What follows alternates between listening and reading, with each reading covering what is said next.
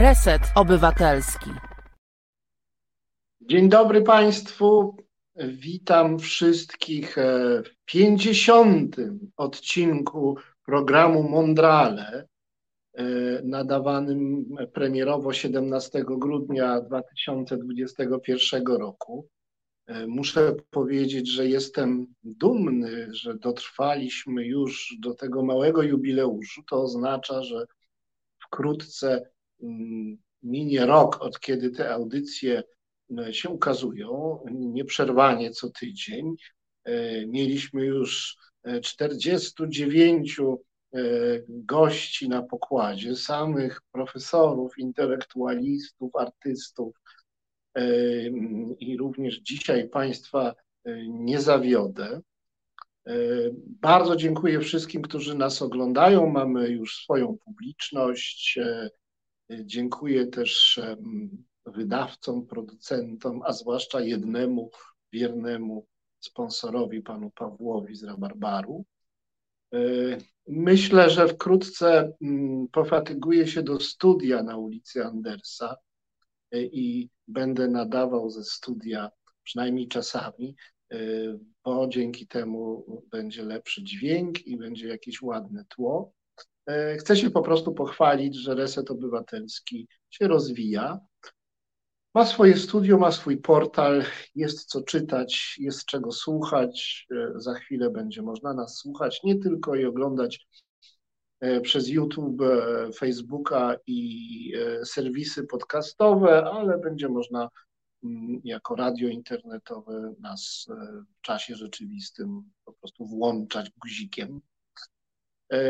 Trwają nad tym prace, mm, także się profesjonalizujemy, mimo że jesteśmy małą, niszową mm, stacją. Bardzo jestem z tego dumny i gratuluję Marcinowi Celińskiemu, szefowi, że mu się to wszystko udało tak e, rozkręcić. E, to by było niemożliwe bez Państwa pomocy, więc e, bardzo proszę o jakieś datki albo przez rzutkę, albo przez Patronite, albo po prostu wprost na konto, które jest podane na stronie Resetu. Drodzy Państwo, dzisiaj mamy nie tylko jubileuszowe spotkanie, ale mamy gościa wyjątkowej profesji, bo my tu mamy zwykle jakichś humanistów, a tym razem mamy ekonomistę. No ekonomia też trochę humanistyczną dyscypliną jest, tak trochę matematyczną, trochę humanistyczną. Y, słowo ekonomia to wywodzi się z, y, z traktatu arystotelesowskiego o zarządzaniu oikumen, domostwem. E, jak wiele dyscyplin naukowych bierze e, swoją nazwę z dzieła, dzieła Arystotelesa. Mm, nie on może nadał mu e, tytuł, ale no w każdym razie to z jego kręgu ta książka wychodzi.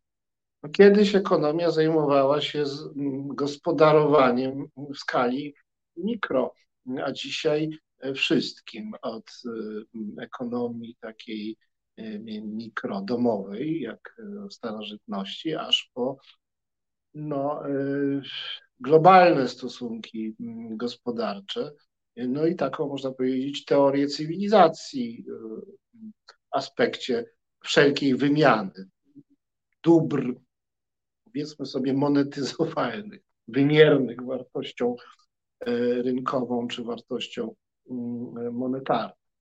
Gościem naszej dzisiejszej audycji jest bardzo wybitny, znany, często pojawiający się w polskich mediach ekonomista, pan doktor Wojciech Paczos, e, o podwójnej afiliacji, e, bo jest zarówno pracownikiem Polskiej Akademii Nauk, jak i, e, i przede wszystkim chyba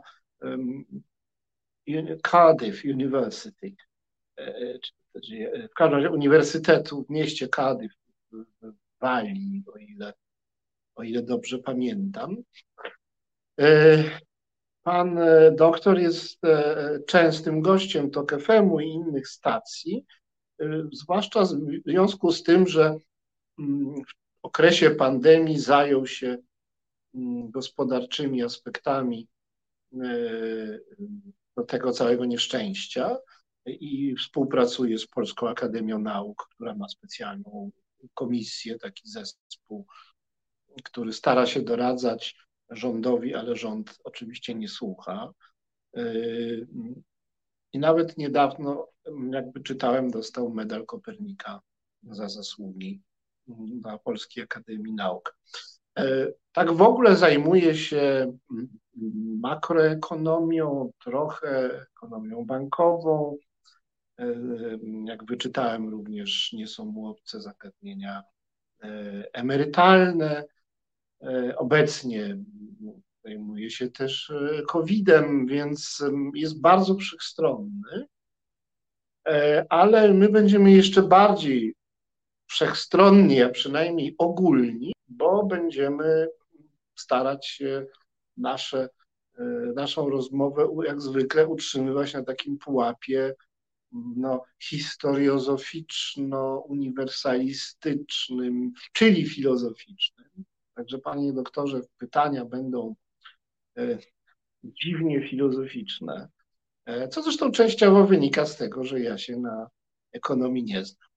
Ale e, skoro już mamy na pokładzie ekonomistę, a my tutaj wszyscy słuchacze i słuchaczki prawdopodobnie reprezentujemy majątkowo, przeciętnie biorąc, niższą klasę średnią, E, to chciałbym zadać panu pytanie e, typowe dla naszej mm, klasy właśnie, e, a mianowicie jak można by zarobić i się tak bardzo nie narobić. Wydaje mi się, że to jest marzenie mm, bardzo wielu, jeśli nie większości pracowników, sprzedawców swojej, swoich sił roboczych i swojego czasu chcieliby nie za bardzo się utrudzić, a jednocześnie mm, dobrze na tym zarobić.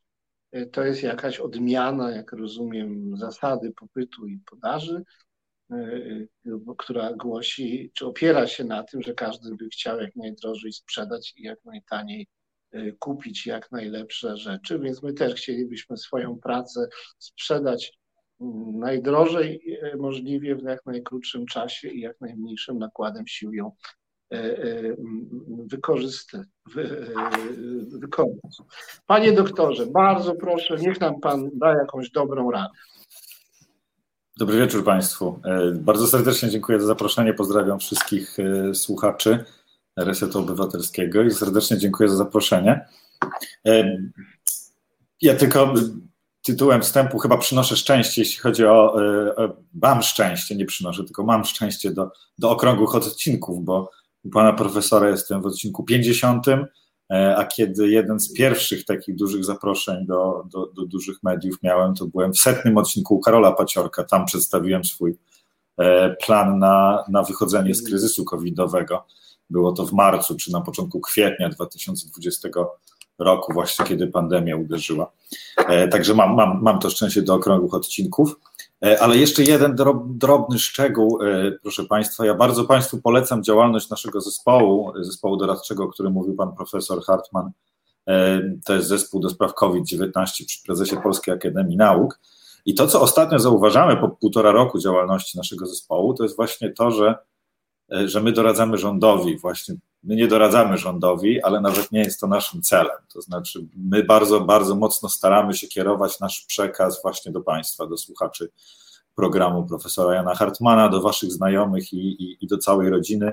Staramy się, krótko mówiąc, tłumaczyć naukę na polski i, i to, co obecnie się dzieje, to i, jakby ze wszystkich dziedzin nauki, tak? To znaczy, to nie są tylko mm, suche informacje na temat zaraźliwości czy na temat skuteczności szczepionek, chociaż to oczywiście mają priorytet, ale również piszemy o tym, jak pandemia wpływa na dzieci, w jaki sposób wpływa na ich zdrowie psychiczne, w jaki sposób wpływa na szkoły, e, w jaki sposób wpływa na gospodarkę, e, co można w tej sprawie zrobić, co się zmieni, co, co należałoby zmienić. Więc to są, to są stanowiska, które kierujemy do Państwa, jak najbardziej do Państwa. Za chwilę będzie, będzie zresztą kolejne, przybiegłem prosto ze spotkania zespołu do Państwa. No, mamy nowe informacje o, o, o Omikronie i, i też w związku, w świetle z tymi nowymi informacjami, powiem szczerze, dostałem parę propozycji napisania, co się będzie działo w gospodarce w 2022 roku. Jest to chyba absolutnie niemożliwe, żeby to określić dzisiaj, bo mamy bardzo, bardzo dużą niewiadomą. To ja przerwę w takim razie, to ja e, swoje dowcipne pytanie w takim razie bym wycofał i przeniósł na nieco później, bo skoro pan doktor e, uderzył w tony poważne i zaczął od e, COVID-u, no ja się upieram, że chcę wejść na ten diapazon taki globalny, ale tu chyba nie ma sprzeczności. To te, o, o, o, tym zarabianiu niskim kosztem e, porozmawiamy, więc może później, chociaż ja oczywiście mam na uwadze e, coś poważnego, co za tym stoi. No, tak powiem, taki agonistyczny, konfliktowy e, wymiar życia gospodarczego, że tam człowiek człowiekowi wilkiem generalnie w tej gospodarce jest i każdy każdego chciałby podejść, oszukać i wyłudzić jak największe dla siebie korzyści. E, taki jest głębszy sens mojego pytania. Ale skoro pan doktor zaczął od um, sprawy COVID-u, no to y, coś, co planowałem na późniejszą porę tej rozmowy, przeniósłbym na jej początek. E, oczywiście my słuchamy pilnie, co mówi Polska Akademia Nauk, co mówi Państwa zespół. Bardzo nam jest przykro, że rząd to wszystko ignoruje. To jest w ogóle zupełny skandal. E, ale chciałem zapytać w związku z tym, e, już nie tylko w kontekście polskim, ale e, w wymiarach takich globalnych, czy Pańskim zdaniem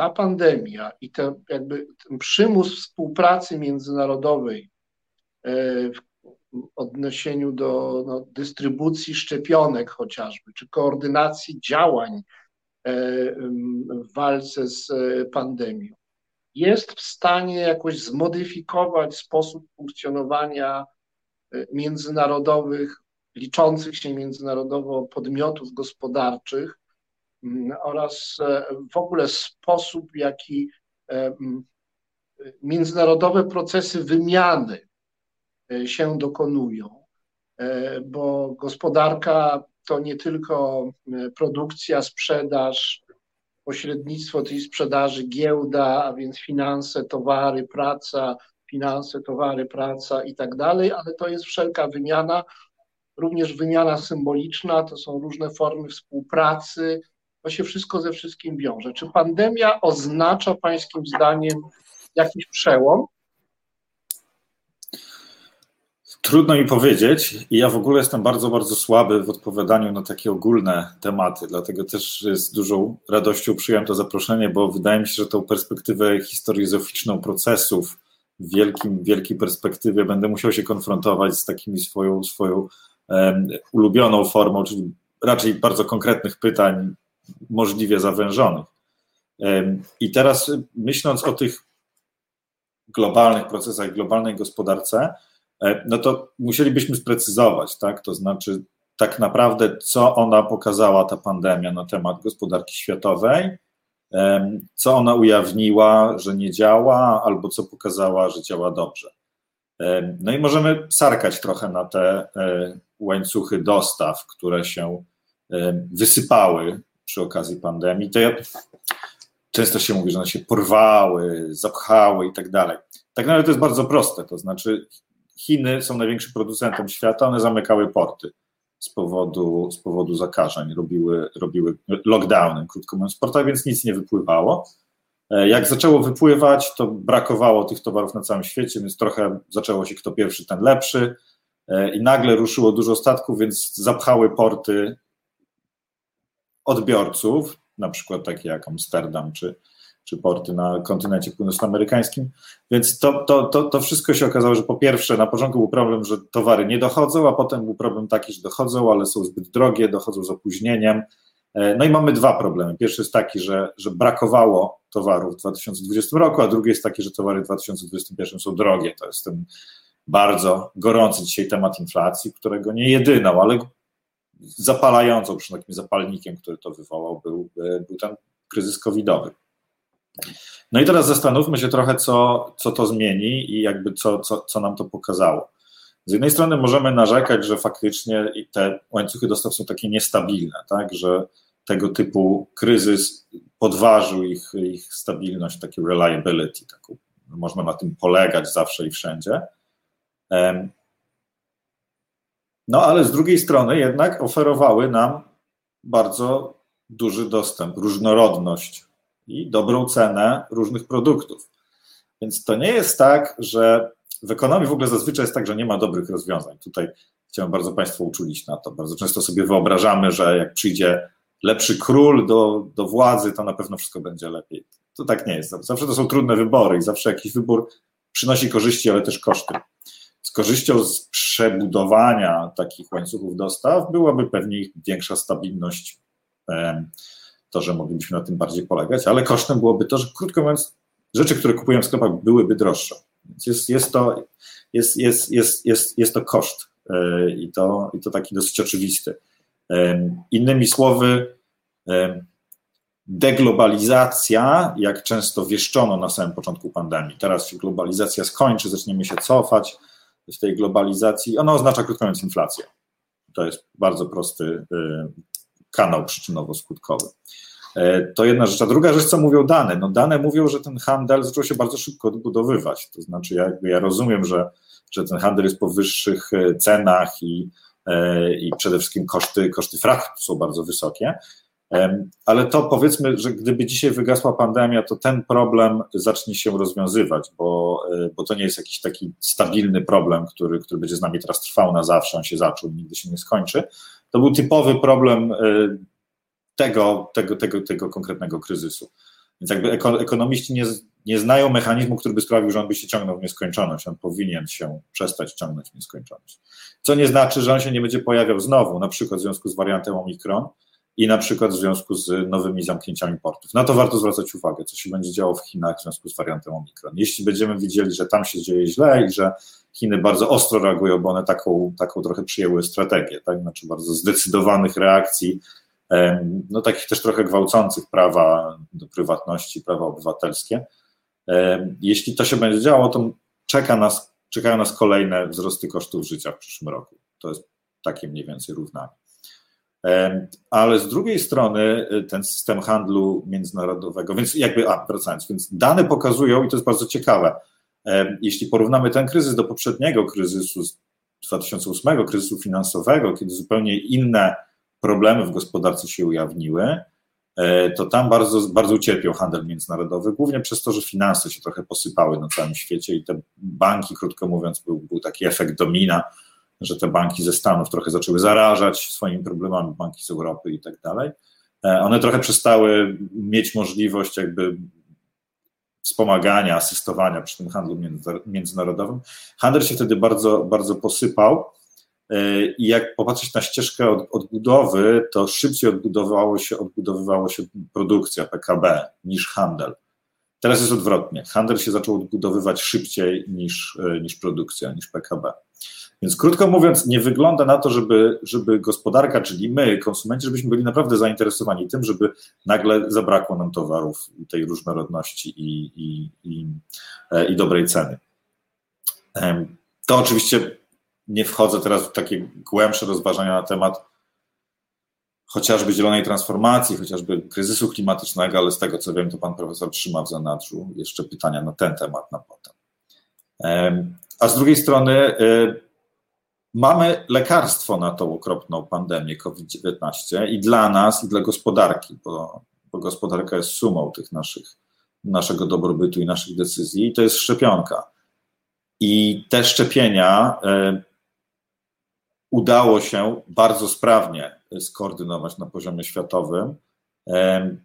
Jeśli chodzi o wymianę naukową, wymianę myśli i wymianę towaru, tego konkretnego towaru, czyli tych konkretnych fiolek, no to tutaj nie możemy narzekać na to, że światowa gospodarka w jakiś sposób fatalnie zawiodła, prawda? To znaczy, takiego czegoś jeszcze nie było w historii. To jest, wydaje mi się, jeden z większych triumfów nauki, prawda? To, że udało się opracować i dostarczyć szczepionki do, do, jeśli się nie mylę, ponad dwóch, być może około trzech miliardów ludzi w tej chwili na świecie, e, no to jest wielki triumf nauki i myślę, że też może jakiś triumf tej, tej naszej współczesnej gospodarki, że, że, że to się tak udało. Wiadomo, że mamy ambicje większe, tak? Znaczy wiadomo, że chcielibyśmy, żeby wszyscy na świecie byli zdrowi, wszyscy na świecie byli wyszczepieni, ale jednak porównując to do poprzednich pandemii, poprzednich kryzysów, czy poprzednich w ogóle standardów życia, no to ten standard życia bardzo zdecydowanie nam się cały czas na całym świecie, e, na całym świecie poprawia. Ma pan profesor mikrofon wyłączony. Przepraszam bardzo, ja wyłączyłem mikrofon, bo ktoś mi wierci ze ścianą. Ja bym w związku z tym e, może skonkretyzował e, e, to pytanie o mm, przemianę systemu gospodarczego w, w czas pandemii mm, i odniósł się do jednego bardzo ważnego przykładu. Wiemy, że Afryka szczepi się bardzo wolno, a właśnie tam powstają nowe odmiany, mutacje wirusa, więc jest w interesie nas wszystkich, nawet największych egoistów, takich jak Polska, e, aby e, Afryka się szczepiła. To jak najszybciej. No niemniej jednak e, trudno znaleźć jakiś model szybkiego zaszczepienia Afryki, który byłby modelem rynkowym. Pytanie więc brzmi, czy jest możliwość, aby taka, aby e, e, na gruncie międzynarodowym czy globalnym, e, gdzie spotykają się państwa, rządy i wielkie korporacje no, jako równi sobie partnerzy, wyjść poza mm, normalną logikę rynku, inwestycji, ryzyka, zysk i zysku, ewentualnie z jakimś doinwestowaniem ze środków publicznych czy ubezpieczeniem, E, i przejść w taki tryb, e, no powiedzmy sobie, solidarnościowy, e, takich negocjacji, które są oparte na solidarności, poczuciu odpowiedzialności za, o charakterze globalnym i poczuciu odpowiedzialności za przyszłe pokolenia. Czy w ogóle jest jakaś, czy, czy są znane jakieś takie furtki, wyjścia poza zamkniętą, domkniętą logikę negocjacji ekonomicznych, e, które są kierowane prostymi zasadami, jak zasada popytu podaży, założenie, że wszyscy chcą e, zarobić. E, czy, czy, czy, czy pandemia umożliwia takie przejścia z logiki rynkowej do logiki, powiedzmy sobie, solidarnościowej? I czy na przykład Afryka może liczyć na to, że E, wielkie podmioty porozumieją się w innej niż czysto kapitalistyczna logice e, i dzięki temu e, efektywnie się w najbliższych miesiącach zaszczepi.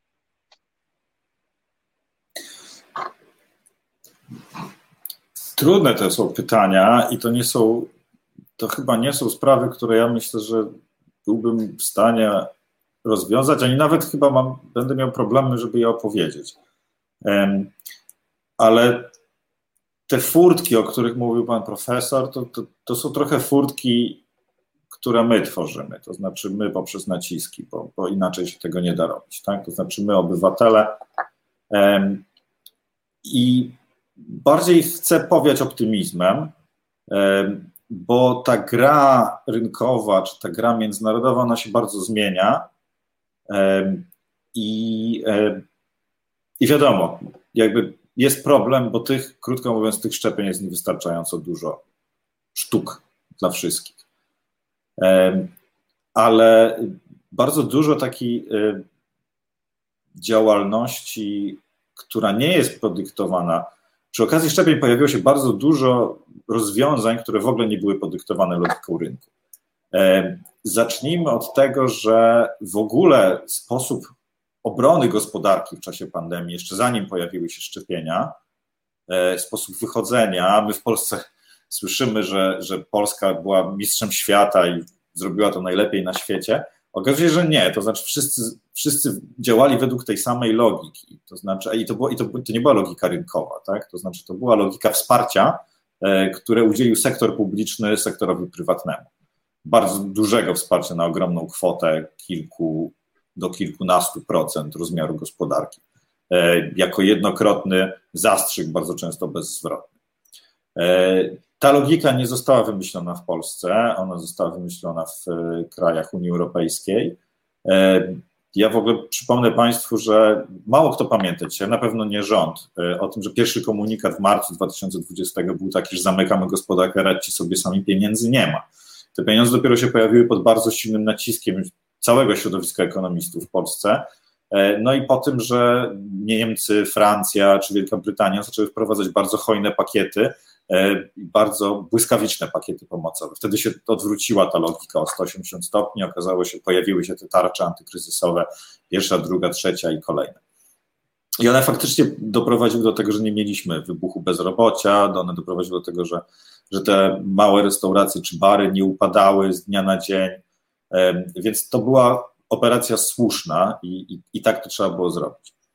E, a druga rzecz, która podważa logikę rynkową, w której, inaczej, drugi przykład, w którym podważono e, logikę rynkową załatwiania spraw e, ważnych dla świata, no to jest kwestia szczepień. To znaczy, gdybyśmy mieli, gdybyśmy mieli, ja sobie tak, mam taki przykład, taki, taki, takie wyobrażenie, że gdyby była pandemia, którą by załatwiał rynek, to ten rynek wymyśliłby szczepionki, one były bardzo drogie i dostępne dla bardzo ograniczonej liczby ludności, tylko dla najbogatszych bo krótko mówiąc, rynkowi nie opłacałoby się y, sprzedawać wszystkim po niższej cenie, tylko opłacałoby się sprzedawać niewielu po bardzo, bardzo wysokiej.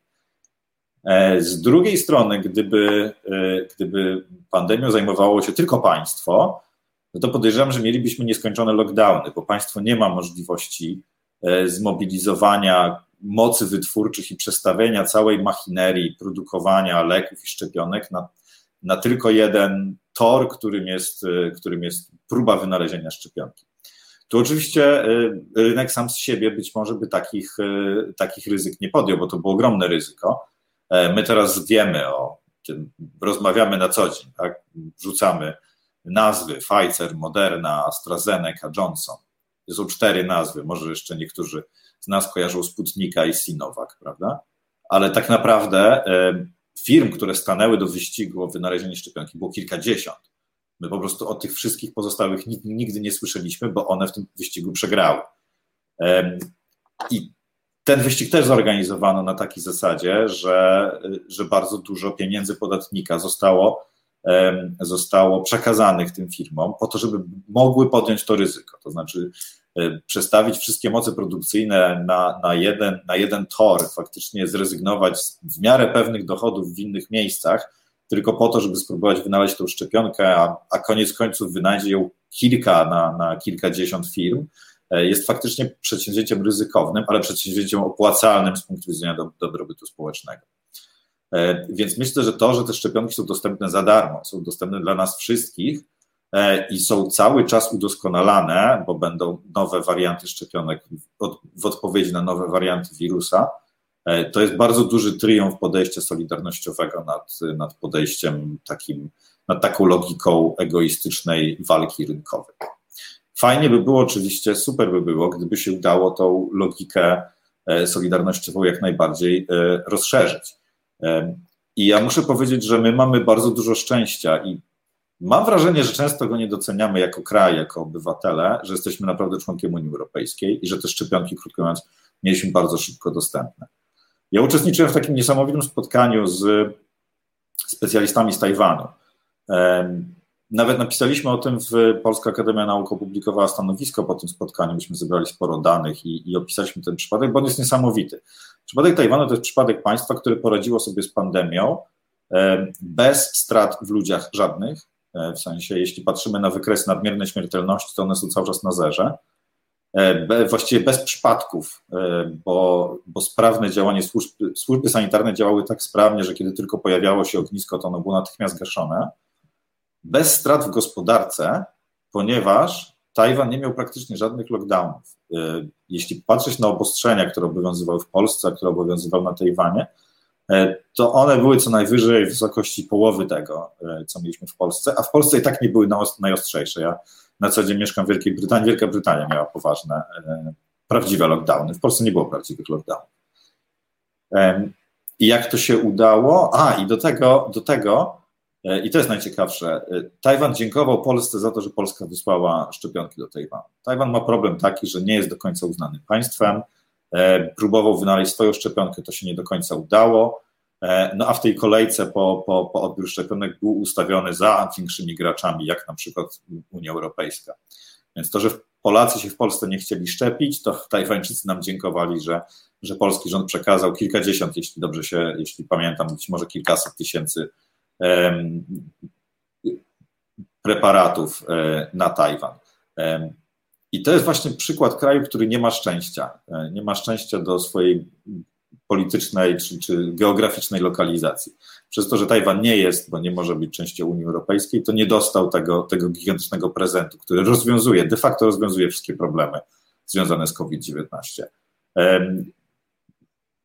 Polska, która w mojej ocenie radziła sobie z zarządzaniem pandemią w sposób kiepski, słaby, e, ja oceniam to właściwie, powiem ostrzej, bardzo negatywnie. Uważam, że, e, że decyzje były zawsze spóźnione i bardzo często bardzo błędne i bardzo szkodliwe. E, Polska dostała te szczepionki, praktycznie sposób wyjścia z pandemii leży na ulicy. Więc jeśli chodzi o tą, o to, o tą przewagę, wracając do, do tej logiki, e, logika solidarności versus logika, nazwijmy to, konkurencji rynkowej, bardzo to się zmienia. Bardzo się zmienia to w dyskursie światowym, bardzo się zmienia w dyskursie ekonomicznym, ale przede wszystkim zmienia się w dyskursie politycznym. Już innego rodzaju logika rządzi teraz Stanami Zjednoczonymi, e, które e, za sprawą zmiany po wyborach, ale również zupełnie inna logika rządzi Wielką Brytanią, w której rządzą konserwatyści, tak? znaczy konserwatyści, którzy odpowiedzialność budżetową, e, konkurencję, niskie, tanie koszty pracy zawsze stawiali na, na sztandarach, to, to jakby było ich, ich, oni byli tymi gospodarczymi, tymi, tymi jastrzębiami, prawda, propagującymi wolny rynek, no to oni wprowadzili największy w historii Wielkiej Brytanii pakiet pomocowy państwa dla sektora prywatnego w trakcie, w trakcie pandemii. E, I to konserwatyści dzisiaj na sztandarach mają Build Back Better, czyli odbudujmy lepiej, gdzie bardzo główną rolę gra problem nierówności w Wielkiej Brytanii.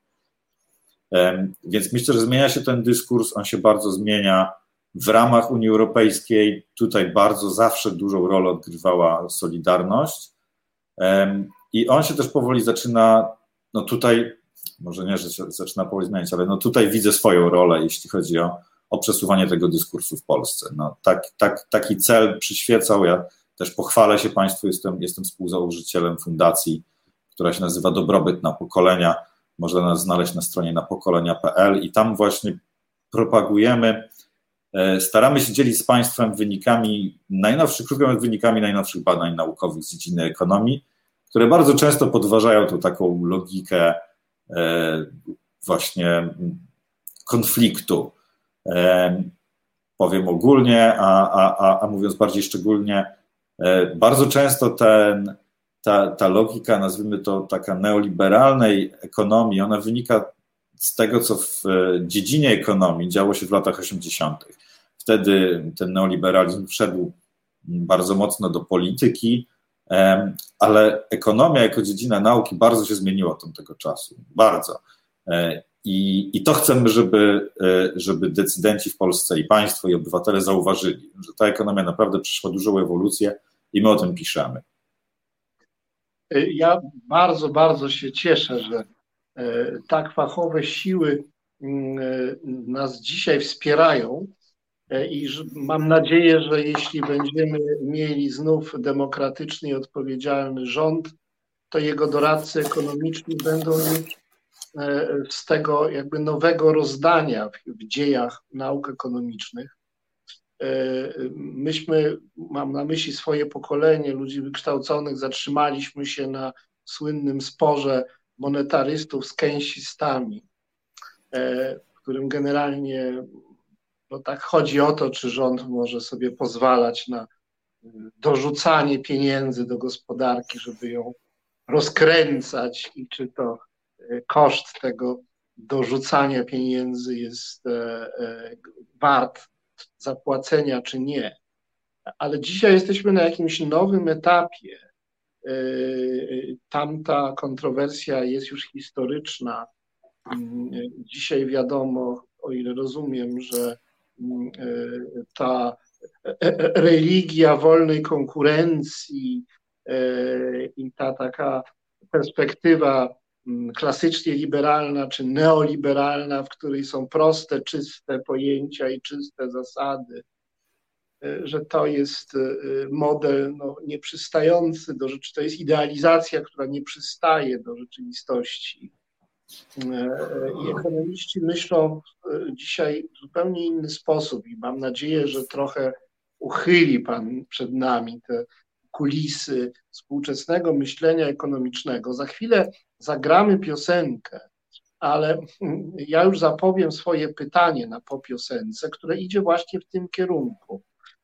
Chciałbym zrozumieć istotę tej e, przemiany i e, e, może odniosę się do czegoś, co mm, jakby chyba każdy z nas czuje. Mianowicie, że zmieniła się rola pieniądza w gospodarce. I to zaczyna dochodzić już nawet do nas, do takiego najbardziej atom, atomistycznego podmiotu gospodarczego, jakim jest e, jednostka czy rodzina. Mm, no dawniej było tak, że jednak pieniądz w jakimś sensie był e, ekwiwalentem, czy to sił wytwórczych pracy, czasu pracy, e, czy też jakichś zasobów materialnych na, na czele ze złotem. No, trochę, trochę był też e, e, sam w sobie jakimś takim, no, no, funkcjonował jako kapitał, funkcjonował jako renta, jako procent, no kilka funkcji pełnił trochę, trochę jako papier wartościowy, jakiś weksel. Parę, no jakby parę rzeczy było oczywistych odnośnie do tego, czym jest pieniądz, służył jako e, prawda, jakiś taki porównywacz, jako nośnik, e, e, taki symboliczny nośnik jakichś walorów, wartości gospodarczych, ale to wszystko miało jakiś bardziej czy mniej realny fundament, raczej konkretny. Nawet banknot jest jakimś fundamentem jednak, już nawet nie tylko złota moneta. Był jakiś realizm w pieniądzu i człowiek jak miał pieniądze, to wiedział, co ma.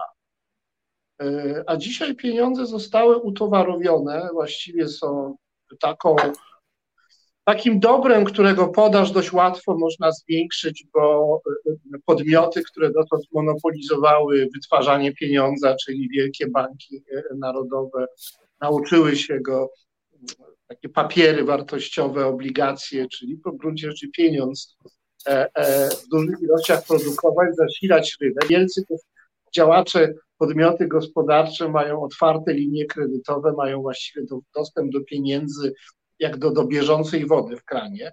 No i my, biedacy, którzy chcemy tych pieniędzy trochę sobie zaskarbić, znaleźliśmy się w bardzo trudnym położeniu, bo te nasze konta wypełnione cyferkami, a już nawet nie banknotami, ale cyferkami, y, są czymś coraz bardziej iluzorycznym. Ja chciałem zapytać wobec tego na popiosence, co, zastęp, co ma w naszej wyobraźni zastąpić te podstawowe wyobrażenia, że jest praca, ktoś nas wynajmuje, płaci nam za pracę, ktoś ma kapitał i obraca tym kapitałem i ma z tego tytułu zyski, ktoś produkuje, ktoś handluje, rynek wycenia wedle prawa popytu i podaży. E, e, wszystko ma jakieś ostateczne jakieś odniesienie do, e, do, do pewnej fizyczności konkretnej, konkretnej produkcji i uwarunkowań. Praca ludzka jest jednak jakimś zasobem, który jest wymierny rynkowo i można ją za taką czy inną kwotę takiej czy innej branży sprzedać. No, są tak dosyć czytelne reguły. A teraz wszystko się zupełnie pokiełbasiło. Od pieniądza zaczynają być ważniejsze, nie wiem, informacje, uwaga, ktoś, ktoś tu będzie klikał, a nie tam. Ktoś będzie zostawiał swoje dane tutaj, a nie tam. Przedmiotem obrotu już są nie tylko towary, usługi, e, nie tylko strumienie finansów, ale właśnie jakieś wielkie dane, wielkie zbiory czy strumienie danych, uwaga uczestników rynku, nowe warunki się wytworzyły, przeszliśmy na jakiś bardziej abstrakcyjny poziom i my biedaczki z tymi naszymi kontami, na których są jakieś cyferki, nawet portfeli już za bardzo nie mamy z tymi banknotami, wstyd w ogóle za coś płacić banknotami, no my w ogóle nie wiemy, kim jesteśmy. E, panie doktorze, po piosence chciałbym się dowiedzieć od pana, kim my w ogóle jesteśmy jako gracze, mikrogracze gospodarczy. O co teraz już w gospodarce chodzi, skoro nie o to, co chodziło dotychczas. Ale teraz piosenka. Reset Obywatelski działa dzięki Twojemu wsparciu. Znajdź nas na zrzutka.pl. Drodzy Państwo, witam w drugiej części dzisiejszego, to znaczy nadawanego premierowo 17 grudnia 2021 roku programu Mondrale, którego gościem jest po raz pierwszy ekonomista, pan doktor Wojciech Paczos, który jest nie tylko naukowcem pracującym na co dzień w Wielkiej Brytanii, ale także w Polsce, lecz również jest działaczem społecznym, propagatorem wiedzy ekonomicznej.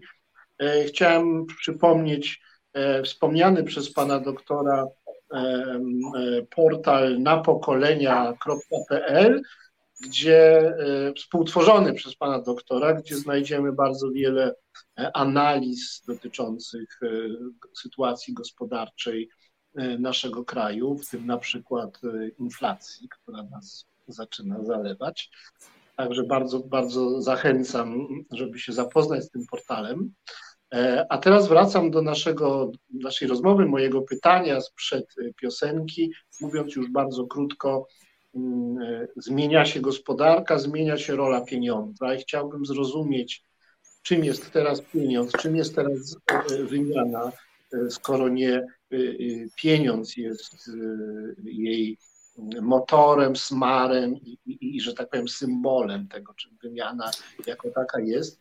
E, I, gdzie w tym wszystkim jest zwykły e, e, człowiek, zwykły no, jadacz chleba ze swoimi małymi zasobami, swoją małą siłą nabywczą, ze swoim kontem, pensją, ze swoimi zasobami, mikrozasobami i, no i dużymi potrzebami.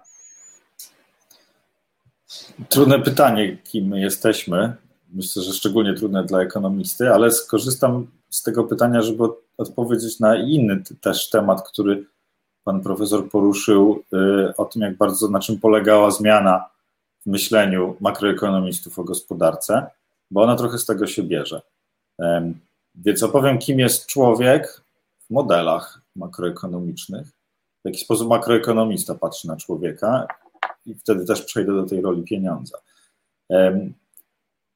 Coś, co jest pewnym mitem e, w debacie publicznej, to jest to, że my, makroekonomiści, jesteśmy takimi okrutnymi, bezdusznymi, jakimiś, e, nie wiem, inżynierami społecznymi, którzy uważają, że człowiek, e, człowiek goni za zyskiem, prawda, że to jest ta jego homo economicus. Jedynym celem człowieka jest zbieranie pieniędzy. Prawda? No więc jak, jak zajrzymy do jakiegokolwiek, jakiejkolwiek publikacji taki w teorii, z teorii makroekonomii, to okaże się, że nie do końca. To znaczy, e, to, co zaczyna właściwie, to, czego zaczyna każdy makroekonomista pisanie swojego modelu, a modele makroekonomiczne to są właśnie takie abstrakty, to są takie idealizacje świata, uproszczone mapy świata, które mają nam trochę, mają dwa zadania. Po pierwsze, mają za zadanie odpowiedzieć na pytanie, jak wygląda e, z czego wynikają pewne, pewne zależności, które obserwujemy w danych, czyli w pewien sposób mają nam wyjaśnić, jak działa świat i rozłożyć to działanie świata na jakiś aspekt działania świata, bo nigdy żaden model nie jest w stanie opisać całego świata. Jakiś aspekt, jeden aspekt działania świata, rozłożyć go na czynniki pierwsze i spróbować zrozumieć, co z czego wynika, którędy e, przebiegają mechanizmy przyczynowo-skutkowe. E, a z drugiej strony mają za zadanie pomóc nam analizować politykę gospodarczą, czy też prowadzić rekomendacje dla polityki gospodarczej, bo taki model jest bardzo fajną rzeczą, to znaczy tam można tą politykę gospodarczą w miarę bezkosztowo zmieniać.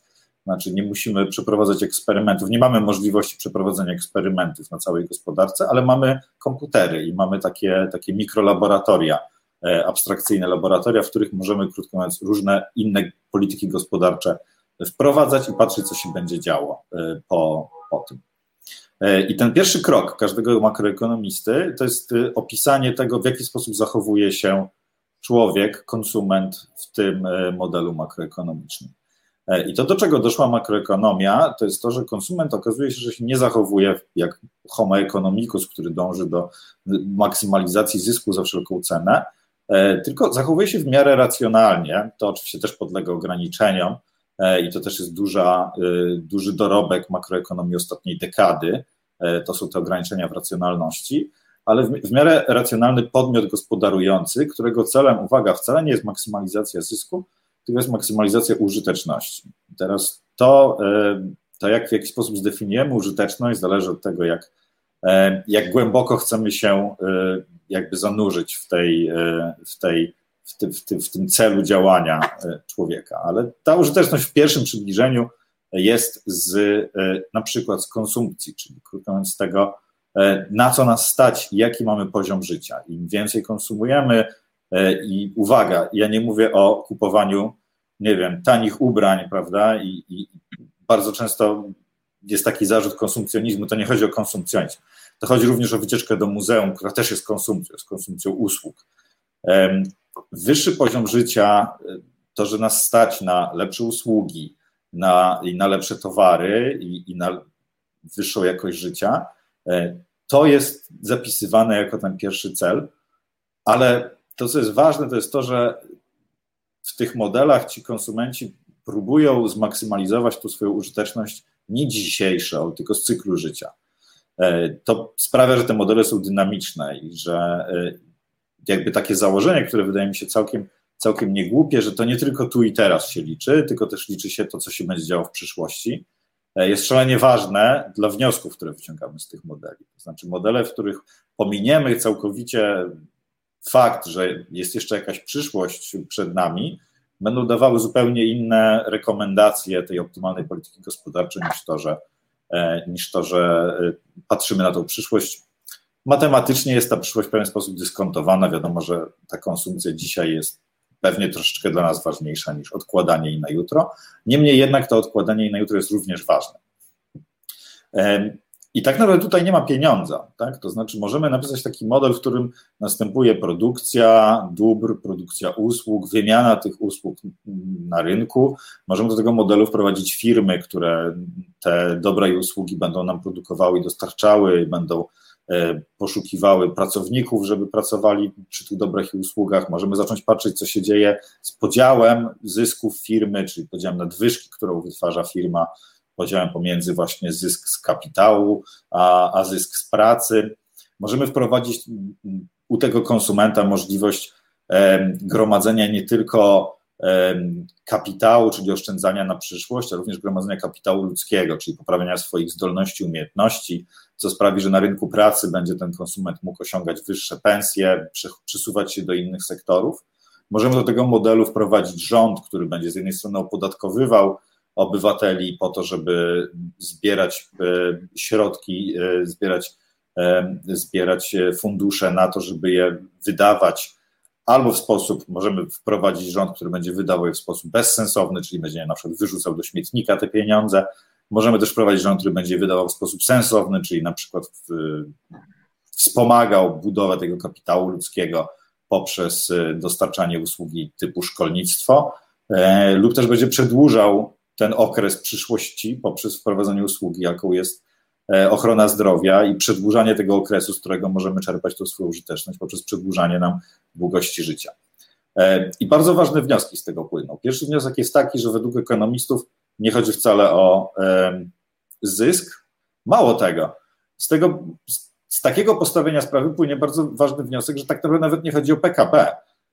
PKB też jest takim pewnym mitycznym potworem, E, dla niektórych, e, dla niektórych takim mitycznym bożkiem, dla innych mitycznym potworem, że, że wszystko jest podporządkowane temu PKB.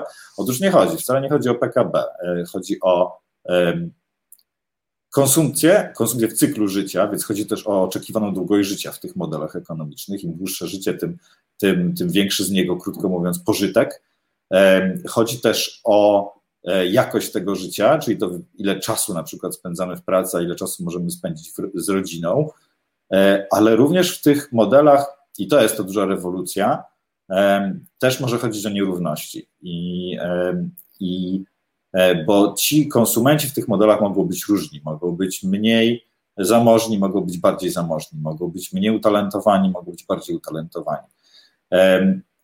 I okazuje się, że wprowadzenie tego elementu różnorodności ludzi, którzy się w tych modelach ekonomicznych starają w jakiś sposób odnaleźć i, w jakiś sposób poprawiać swoje życie, ono niesie szalenie ważne implikacje dla polityki gospodarczej.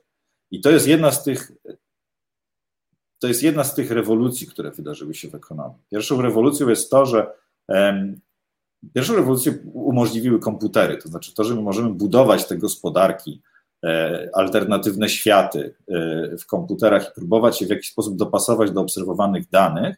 To jest pierwsza wielka rewolucja. A druga, drugą wielką rewolucją jest to, że dzięki temu że mamy mocy obliczeniowe, możemy te gospodarki robić coraz bardziej skomplikowanymi, możemy je coraz bardziej przybliżać do, do, do, do tego, jak naprawdę zachowuje się gospodarka naszego kraju czy naszego świata e, i wprowadzać dużo więcej elementów, na które chcemy spojrzeć. Krótko mówiąc, możemy patrzeć na nierówności, dlatego że mamy duże moce obliczeniowe w komputerach. Wcześniej na to nie mogliśmy patrzeć i w związku z tym płynęły bardzo często błędne wnioski, e, jak, na, jak na przykład to, że nie warto patrzeć na nierówności tudzież to, że nierówności są nawet, y, nie wiem, dobre dla gospodarki, bo jak widzimy jakiegoś bardzo bogatego Billa Gatesa, to wszyscy chcemy zostać Billem Gatesem i zaczynamy coraz więcej, coraz lepiej pracować, coraz lepsze pomysły, y, coraz lepsze wynalazki generować i, i coraz więcej zarabiać. E, okazuje się, że nie, że, że, że tak, to, to, tak to nie działa, więc ta rewolucja, ta rewolucja polega na tym, że możemy więcej elementów ważnych e, w danych, ważnych dla nas e, życiowo symulować, próbować opisać w algorytmach matematycznych, symulować i sprawdzać, co się dzieje. Hmm, e, to wszystko jest szalenie interesujące i ja bym bardzo chciał, żeby ten element ludzki, humanistyczny w ekonomii e, e, przetrwał i żeby te uproszczone i takie hopsowskie wyobrażenia o tym mikroagencie, jednostce w gospodarce rzeczywiście e, zostały przezwyciężone przez coś bardziej realistycznego, ale też bardziej skomplikowanego. Ale mam poważne wątpliwości, czy to nie jest jednak próba takiego czarowania rzeczywistości Chcę więc wrócić jednak do tego mm, pytania, jak e, zarobić i się nie narobić. E, e, jednak chciwość i lenistwo, mm, te dwie wielkie namiętności rynkowe, wciąż jednak w nas są. I w takim wymiarze mikro, wręcz jednostkowym, i w wymiarze makro. I tego, tego brudnego, tej brudnej maszynerii, Podkowskiej nie da się tak całkiem chyba mm, e, usunąć, ale byśmy bardzo chcieli nad nią jakoś zapanować. I te wizje człowieka gospodarującego, myślącego o przyszłości, myślącego o do, raczej jakimś takim dobrostanie, niż o, o, o tylko o pieniądzu, e, jakby godzącego się na zniwelowanie nierówności w imię jakiegoś takiego zrównoważonego rozwoju i E, bardziej sprawiedliwego, wyrównanego społeczeństwa. To wszystko jakoś oddziałuje rzeczywiście na gospodarkę, bo myśmy uwierzyli jakoś trochę w to, że to jest możliwe. Ale z drugiej strony, panie doktorze, no owszem, dobrze, chcemy, już chcemy e, e, żyć ekologicznie, powściągliwie, wiemy, że liczy się szczęście, bardziej niż zasobność portfela, że jakość usług publicznych ma może czasem większe znaczenie niż to, y, ile, ile zarabiam. Powiedzmy, że my to wiemy, ale z drugiej strony takie wielkie potwory, nowe podmioty rosną, jak właśnie te, te wielkie korporacje mm, wirtualne czy tam internetowe. Y, coraz bardziej się od pieniądza zaczyna liczyć no, informacja, Y, dane, ziszczają się takie katastroficzne wizje jeszcze z lat 70., Jotarda na przykład, czy Teflera, o takim społeczeństwie postindustrialnym, które żyje życiem symbolicznym. No i, i, i ja się czuję zupełnie zagubiony w tym, bo niby chcę zarabiać, ale chcę też być w takim zrównoważonym, bezpiecznym społeczeństwie, chcę żyć ekologicznie. No, e, no więc jestem w tych logikach dwóch, jedną nogą tu, drugą tu, ale też wiem, że uczestniczenie w rynku i w ogóle w wymianie społecznej to polega na tym, że ktoś mnie E, e, nieustannie obserwuje, kontroluje, manipuluje mną. Nawet teraz, wie pani, jest we Francji i nasz program rozpoznał, że się łączy z Francją. Ja tu czytam ni z tego, ni tout le monde peut vous voir, peut vous entendre, prawda? Każdy może na ciebie patrzeć i cię usłyszeć. No właśnie. E, więc ja mam wątpliwości, czy, czy, czy Państwo robiąc sobie te modele makroekonomiczne nie uprawiacie takiej filozofii a jeden będzie bardziej rusowski, drugi będzie bardziej hopsowski. Czy to nie jest takie trochę wishful, a tak naprawdę ta maszyneria napędzana chciwością, cwaniactwem, lenistwem e, i agonem pracuje, a z drugiej strony totalne upłynnienie wszystkiego i totalna dezorientacja, bo nie wiadomo, co to są pieniądze, bo nagle są jakieś kryptowaluty, które no, obalają, ośmieszają waluty narodowe. Sami nie wiemy, co mamy, ile jesteśmy warci, nic nie może, nic nie może nas wycenić. Zaczynamy być tyle warci, ile, ile zostawiamy informacji w sieci. To wszystko jest jakieś, to, to jest jakaś, jesteśmy w jakiejś mgle pojęciowej i w jakiejś e, transformacji, której sensu do końca nie rozumiemy. Czy pan wierzy w te modele? w to, że będzie można te modele e, jakoś wcielać w polityki gospodarcze. Czy zgodzi się Pan ze mną, że jesteśmy jednak w okresie tak daleko idących przemian, że e, trudno nam dzisiaj orzec, e, co i jakie parametry powinniśmy tych modelach uwzględniać, bo nie wiemy, w jakim kierunku idziemy. Myślę, że jedno nie wyklucza drugiego. To znaczy, ekonomia jest nauką, która ewoluuje i dokonała bardzo ważnych przełomów i, i zmian w samej sobie w ciągu ostatnich 30 lat e, i nie ma powodu, żeby nie kontynuowała tych zmian, które będą uwzględniały zmieniający się świat dookoła nas. E, to, co chciałbym może trochę Państwa z tej mgły wyprowadzić, to znaczy, no nie, jednak ciągle te podatki płacimy w polskim złotym, tak? To znaczy, to nie jest tak, że nagle ten pieniądz zniknął i już jest nieważny. E, pieniądz, o ile nie jest celem e, gospodarowania w teorii ekonomii, bo nie jest, o tyle jest przydatnym narzędziem gospodarowania, bo umożliwia wymianę w dużo prostszy sposób niż wymianę, nie wiem, krowę za świniaka, tak? czyli wymianę barterową. Wymiana barterowa jest bardzo trudna i, i, i powoduje to, że tej wymiany jest bardzo mało, bo, bo musi polegać na, na tym, żeby ktoś, kto ma towar A, znalazł kogoś, kto ma towar B, E, i, i obydwaj muszą mieć przeciwstawne preferencje, czyli ja z towarem A muszę chcieć mieć towar B, ten, kto ma towar B, musi chcieć mieć towar A i musimy się spotkać, to jest bardzo trudne. E, więc pieniądz taki tak zwany fiducjarny, czyli ten pieniądz, który jest wydrukowany, nie wiem, na papierze, e, którego wartość sama tego papieru nie jest wielka, on krótko mówiąc bardzo ułatwia wymianę rynkową. I, I dlatego jest tak popularny i dlatego zrobił taką karierę w historii ludzkości od, zdaje się, XVII wieku, kiedy po raz pierwszy został wprowadzony w Szwecji i Wielkiej Brytanii. E, dlatego e, tu się wiele nie zmieniło, chciałbym powiedzieć. To znaczy, te wszystkie wynalazki, o których nawet pan profesor wspominał, jak, jak kryptowaluty, jest to działanie na marginesie. I ja też nie jestem pewien, czy tak naprawdę te kryptowaluty, myślę, że możemy o tym pogadać. Ja mam jeden wykład dla, dla studentów E, ja nie jestem pewien, czy kryptowaluta spełnia w ogóle cechy pieniądza, bo, bo jedną z cech pieniądza jest y, standard odroczonej płatności, czyli krótko mówiąc to, że możemy zaciągnąć dług w tym pieniądzu i spłacić go później. E, to jest, to jest jakby taka, taki wyznacznik tego, co jest pieniądzem, a co nie jest. Tych wyznaczników są cztery, e, ale to jest jeden z ważniejszych. Kryptowaluty nie mają rynku pożyczek, w sensie nie, nie da się wziąć hipoteki w kryptowalucie prawda, wybudować domu, a potem co miesiąc spłacać odsetki w kryptowalucie. Więc kryptowaluty z mojego punktu widzenia, jako, jako wykładowcy bankowości w Cardiff University, e, one bardziej spełniają rolę takiego, takiego aktywa, e, takiego aktywa, który, trochę którego wycena polega na tym, e, zależy od tego, jak bardzo jest popularne. No i to ma wiele cech tak zwanej piramidy Ponciego, tak? To znaczy, im więcej osób jest zainteresowanych kupnem tego aktywa, tym jego cena jest wyższa. Czyli krótko mówiąc, żeby, żebym ja zarobił na tym, że posiadam kryptowalutę, to ktoś inny będzie musiał chcieć ode mnie ją odkupić.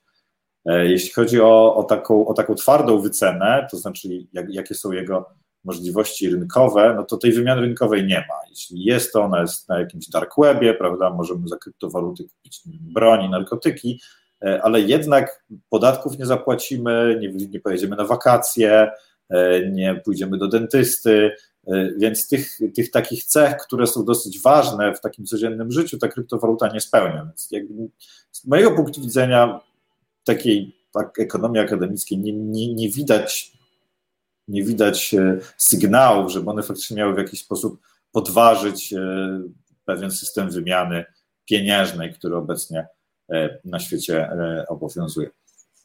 Natomiast e, teraz wracając do tej chciwości i, egoizmu, to tak naprawdę tylko wzmacnia argument do używania modeli, bo w tych modelach możemy wstawić takich, takich, takich Wojtków i takich Janów, którzy myślą tylko o, o, o swoim dobrobycie i, i w ogóle nie, nie oglądają się na świat nie, nie obchodzi ich katastrofa klimatyczna, nie obchodzi ich, nie obchodzą ich nierówności, e, nie obchodzi ich e, nic poza, krótko mówiąc, własnym, własnym podwórkiem, prawda? Więc to jest jakby, e, to jest chyba plus, czy to jest, to jest chyba mocna strona tych modeli, że, że my pisząc teorie makroekonomiczne, możemy sprawdzić na przykład, czy prawdą jest, że mm, to, co dobre z indywidualnego punktu widzenia, e, w bardzo łatwy sposób agreguje się na całą gospodarkę. Czyli faktycznie, czy suma optymalnych decyzji wszystkich nas, to już jest warunek wystarczający do dobrobytu ogółu społeczeństwa. Czyli taki, takie bardzo, e, bardzo proste rynkowe rozwiązanie. Zostawmy wszystkich samych, samych sobie, niech oni sobie sami spokojnie E, w sposób indywidualny, możemy powiedzieć leniwy, egoistyczny, ogarnął swój własny dobrobyt i to wystarczy, bo wtedy gospodarka będzie, będzie również działała e, w sposób najlepszy i możliwie optymalny. No i okazuje się, że często tak, a często nie. To znaczy, e, bardzo często ta suma indywidualnie optymalnych decyzji wcale nie musi prowadzić do optymalnego, do optymalnych alokacji na poziomie całej gospodarki. E, chociażby problem, e, i to się nazywa problem nieefektywności rynkowych, czy też problem market failure, zawodności rynków.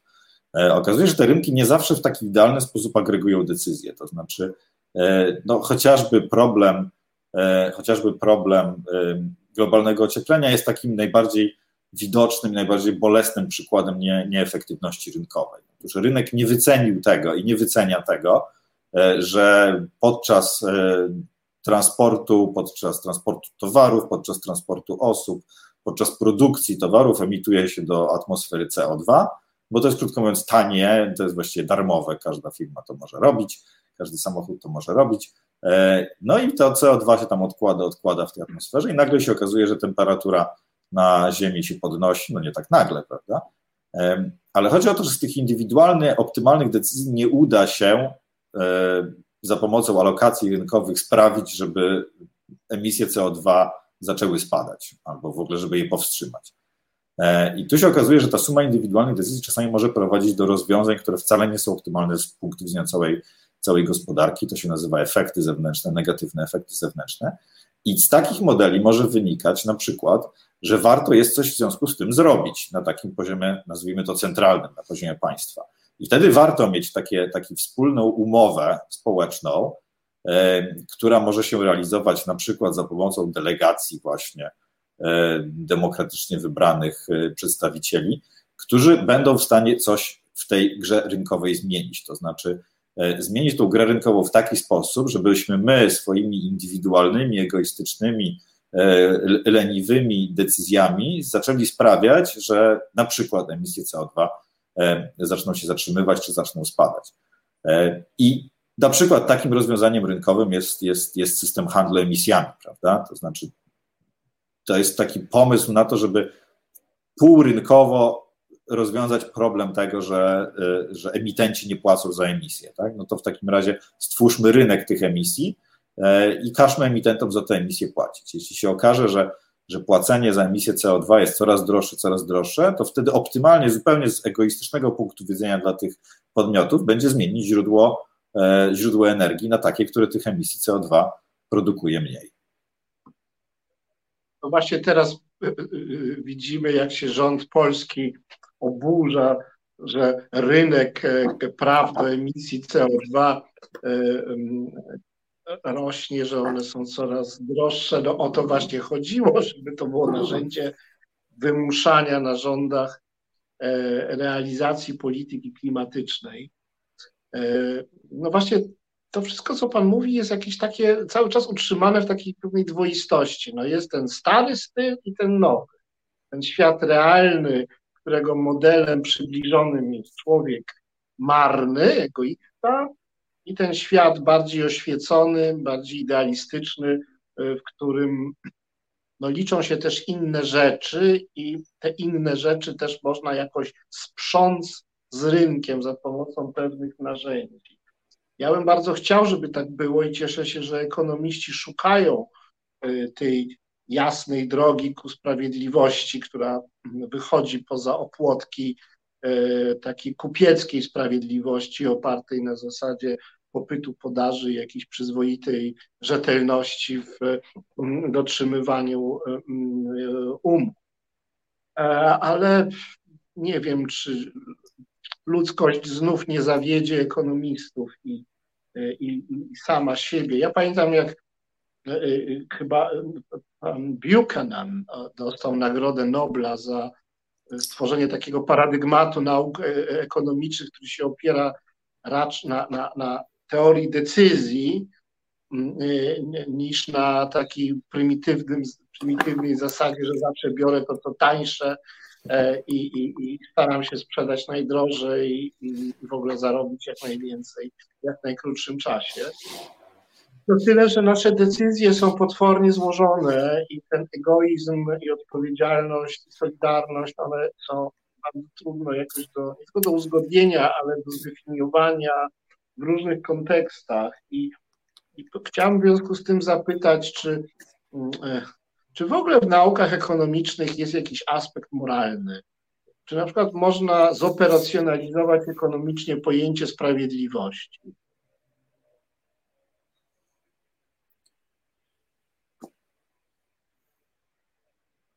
Chciałbym powiedzieć, że tru, trudne pytanie.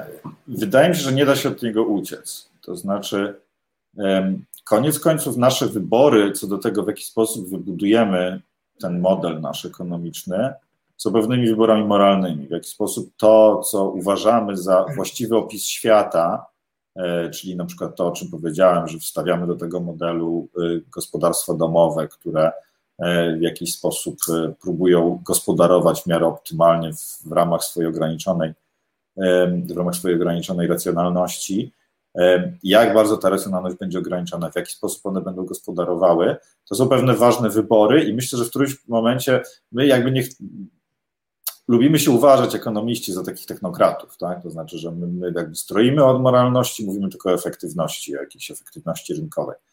E, wydaje mi się, że to nie jest do końca prawda, tylko po prostu chowamy tą moralność gdzieś za jakimiś równaniami.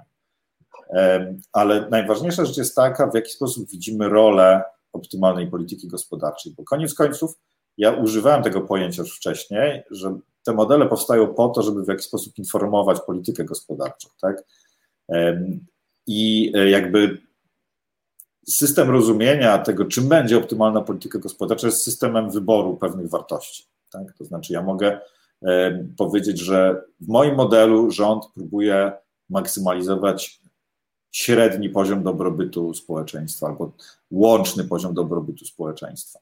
Albo w jakiś sposób, i to będzie, i to będzie miało zupełnie inne implikacje niż kiedy powiem, optymalną polityką w moim modelu będzie to, że rząd próbuje zmaksymalizować w jakiś sposób zważony poziom dobrobytu jednostek.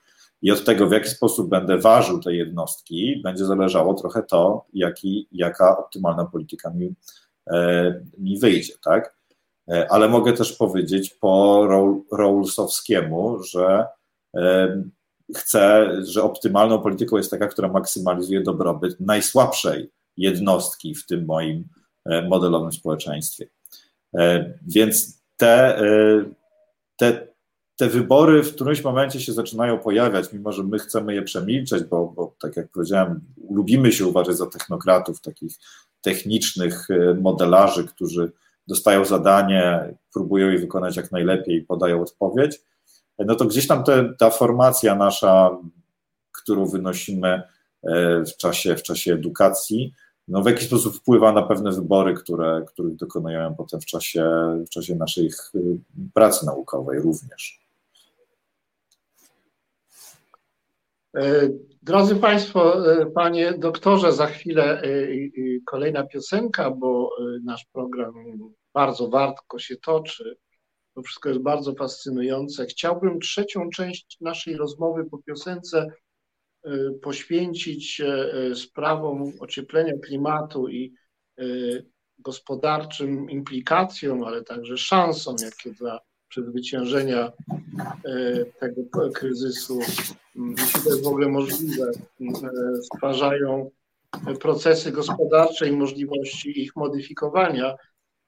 Przypomnę dwa takie aktualne przykłady, e, które zapowiadają skalę, w jakiej e, e, kryzys klimatyczny może się przekładać na gospodarkę.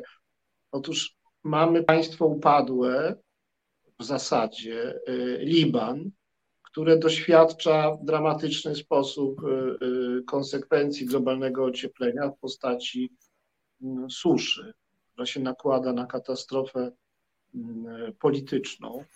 No i bardzo możliwe, że czeka nas eksodus, prawda, taki migracyjny z Libanu. I no, jest wielki problem w tym jednym niewielkim kraju.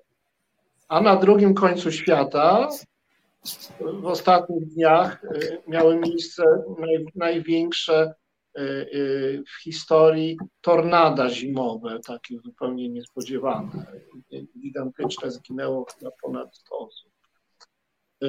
No i pewnie będzie coraz częściej tak i y, y, będzie nas każda taka katastrofa ponaglać, żebyśmy już, już teraz wprowadzali ograniczenia. Więc moje pytanie jest takie, jak można naprawiać klimat, wprowadzając niezbędne ograniczenia, czyli wychładzając niejako rynek, no bo będzie mniej y, konsumpcji, mniej towarów, a, a jednocześnie liczyć na to, że skumulujemy taki kapitał i takie innowacje i takie technologie, które doprowadzą do wielkiego przełomu pozwalającego wyeliminować te gazy cieplarniane i naprawdę ten klimat uratować. Te, chciałem się prosić Pana o odniesienie się do tego paradoksu, y, kiedy sprzęga się konieczność samoograniczania się z koniecznością E, mm, no, inspirowania wielkich, zasobnych podmiotów do wielkich, wielkich innowacji, które mogą przynieść przełom. Ale teraz druga i ostatnia w tym programie piosenka. Sexpress z pontonem. Następna stacja seks, antykoncepcja, zdrowie, ciało, edukacja, seksualność, prawa, tożsamość w trakcie jazdy zapraszamy do rozmów bez tabu. W bezpiecznej atmosferze dyskutujemy na temat spraw związanych z seksem i seksualnością. Załogę z ekspresu stanowią doświadczone edukatorki seksualne z grupy Ponton. Niedziela, godzina 17. Reset Obywatelski. Nasz ponton to już chyba trochę odpłynął. E, natomiast e, witam wszystkich w trzeciej części naszego programu Mondrale, spotkania mm, z panem doktorem Wojciechem Paczosem. E, cieszę się, że jesteście dalej Państwo z nami, zwłaszcza kibicuję tym, którzy są z nami na premierze. i dotrwali do tak późnej pory. Jeszcze mamy 23 minuty programu. Przed przerwą na piosenkę zadałem pytanie o globalne ocieplenie, konsekwencje ekonomiczne. Wszystko się zmienia, dotąd gospodarka żyła z tego, że cały czas rosła i e, zadłużała się w planecie, w zasobach, które się wydawały nieograniczone, zasoby węgla, jakichś tam kopalin, ropy, e, taniej siły roboczej, wszelkich innych e, dóbr, wody nie wiadomo czego jeszcze, a teraz to wszystko się kończy, idzie globalne ocieplenie, trzeba się zwijać E, e, no i jak to się można zwijać, a jednocześnie, panie doktorze, rozwijać, żeby przezwyciężyć globalne ocieplenie? Przecież to jest kwadratura koła. To jest szalenie trudne wyzwanie. I ono nie ma, tu nie ma prostych rozwiązań, niestety. Ale jeszcze zanim o, o, ociepleniu opowiem, to chciałem wrócić do Buchanana, którego wspomniał pan profesor bo to jest chyba dobry przykład tego, jak, jak, jak wielką drogę przeszła ekonomia. E, James Buchanan zasłynął w środowisku ostatnio e, swoim cytatem sprzed 20 lat. E, zasłynął rok temu ze względu na, na, na Nobla, który został przyznany rok temu w październiku ostatniego roku Davidowi Cardowi, współautorom. Takim przełomowym badaniem Davida Carda, który dostał właśnie Nobla ostatniego ekonomicznego, E, to było badanie na temat wpływu płacy minimalnej na zatrudnienie. E, to było badanie z początku lat 90., kiedy bardzo silnie obowiązywała taka narracja, e, że podnoszenie płacy minimalnej musi skutkować zwiększeniem bezrobocia. I, I, ta zależność pomiędzy ceną pracy a ilością pracy była w ogóle niepodważalna, była takim pewnym świętym prawem ekonomii. E, oni wtedy zrobili bardzo przełomowe badanie, wtedy jeszcze nie było komputerów, nie było internetu, nie było bardzo fajnych zbiorów danych, które na przykład teraz mamy. E, I oni, krótko mówiąc, obdzwonili restaurację McDonald's w stanie Pensylwania, e, które stan Pensylwania wtedy podniósł płacę minimalną i porównali to, co się działo z zatrudnieniem w tych, w tych restauracjach w porównaniu do restauracji McDonald's, właściwie to były restauracje Wendy's, z tego co pamiętam, E, zaraz po drugiej stronie granicy stanowej w stanie Nowy Jork, gdzie podwyżka płacy minimalnej nie obowiązywała, bo to było rozwiązanie stanowe, czyli byli w stanie porównać dwa bardzo podobne zbiory pracodawców, e, które i e, pomiędzy którymi nie było istotnych barier, no bo jakby granice stanowe są trochę granicami na papierze, tak? To znaczy, jeśli chcę pojechać na hamburgera, mieszkam w Stanach, no to mogę pojechać dwa kilometry bliżej, dwa kilometry dalej, obydwie oferują dokładnie ten sam produkt. To, co je różniło, to to, że w jednym, w niektórych restauracjach podniesiono płacę minimalną, w innych restauracjach nie podniesiono. E, I okazało się, że wynik był szokujący, bo, e, bo wynik e, pokazywał, że właśnie w tych restauracjach, w których podniesiono płacę minimalną, zatrudnienie wzrosło, a nie spadło. Czyli pojawiła się zupełnie odwrotna zależność niż ta, którą znaliśmy wcześniej, niż ta, którą ekonomiści znali z, z teorii makroekonomii. E, I James Buchanan nie był fanem tego rozwiązania. Znaczy on w bardzo ostrych słowach powiedział, że jeśli podważymy to podstawowe prawo, jakim jest wymienność pomiędzy ceną pracy a ilością pracy, e, to staniemy się nikim więcej, jak tylko, i cytuję, dziwkami obozowymi. Bardzo, bardzo ostre słowa. E, historia pokazała, że nie miał racji Buchanan, ponieważ koniec końców to Davida Carda nagrodzono właśnie w zeszłym roku e, Nagrodą Nobla, nie za konkretnie wynik tego jednego badania, tylko za wprowadzenie do, do, do instrumentarium ekonomii tej metody, jaką jest, jest poszukiwanie tak zwanych eksperymentów naturalnych, czyli wyciąganie wniosków przyczynowo-skutkowych na podstawie e, zdarzeń, które się wydarzyły naprawdę, ale które się wydarzyły w ograniczonym zakresie, to znaczy dotyczyły na przykład jednego stanu, a drugiego nie. E, teoria od tamtego czasu się bardzo rozwinęła, to znaczy okazało się, że, e, że e, nie, to, to, to, ta, ta zależność pomiędzy płacą a, a zatrudnieniem może być bardziej skomplikowana, chociażby dlatego, że to nie pracownik dostaje całość nadwyżki, którą wypracowuje w ramach swojego spotkania, swojego zatrudnienia firmie, tylko ta nadwyżka może być dzielona w różny sposób i być może to, że jest podniesienie płacy minimalnej wcale nie musi sprawić, że, e, że ta nadwyżka będzie spadała, ona to może sprawić, że po prostu ten pracownik ma większą siłę negocjacyjną, e, krótko mówiąc, dostaje większą część tej nadwyżki, a mniejszą część dostaje właściciel kapitału. Więc wcale nie musi to prowadzić do bankructw i do, i do, i do ciężkiej sytuacji dla przedsiębiorców. Bardzo wiele badań, które powstało tamtego czasu, faktycznie potwierdza tą tezę, że wzrosty płacy minimalnej nie wpływają w znaczącym stopniu na zwiększenie bezrobocia. Ten, ten efekt jest średnio równy zero. E, ale to taka krótka dygresja na temat, na temat Buchanana i ewolucji ekonomii.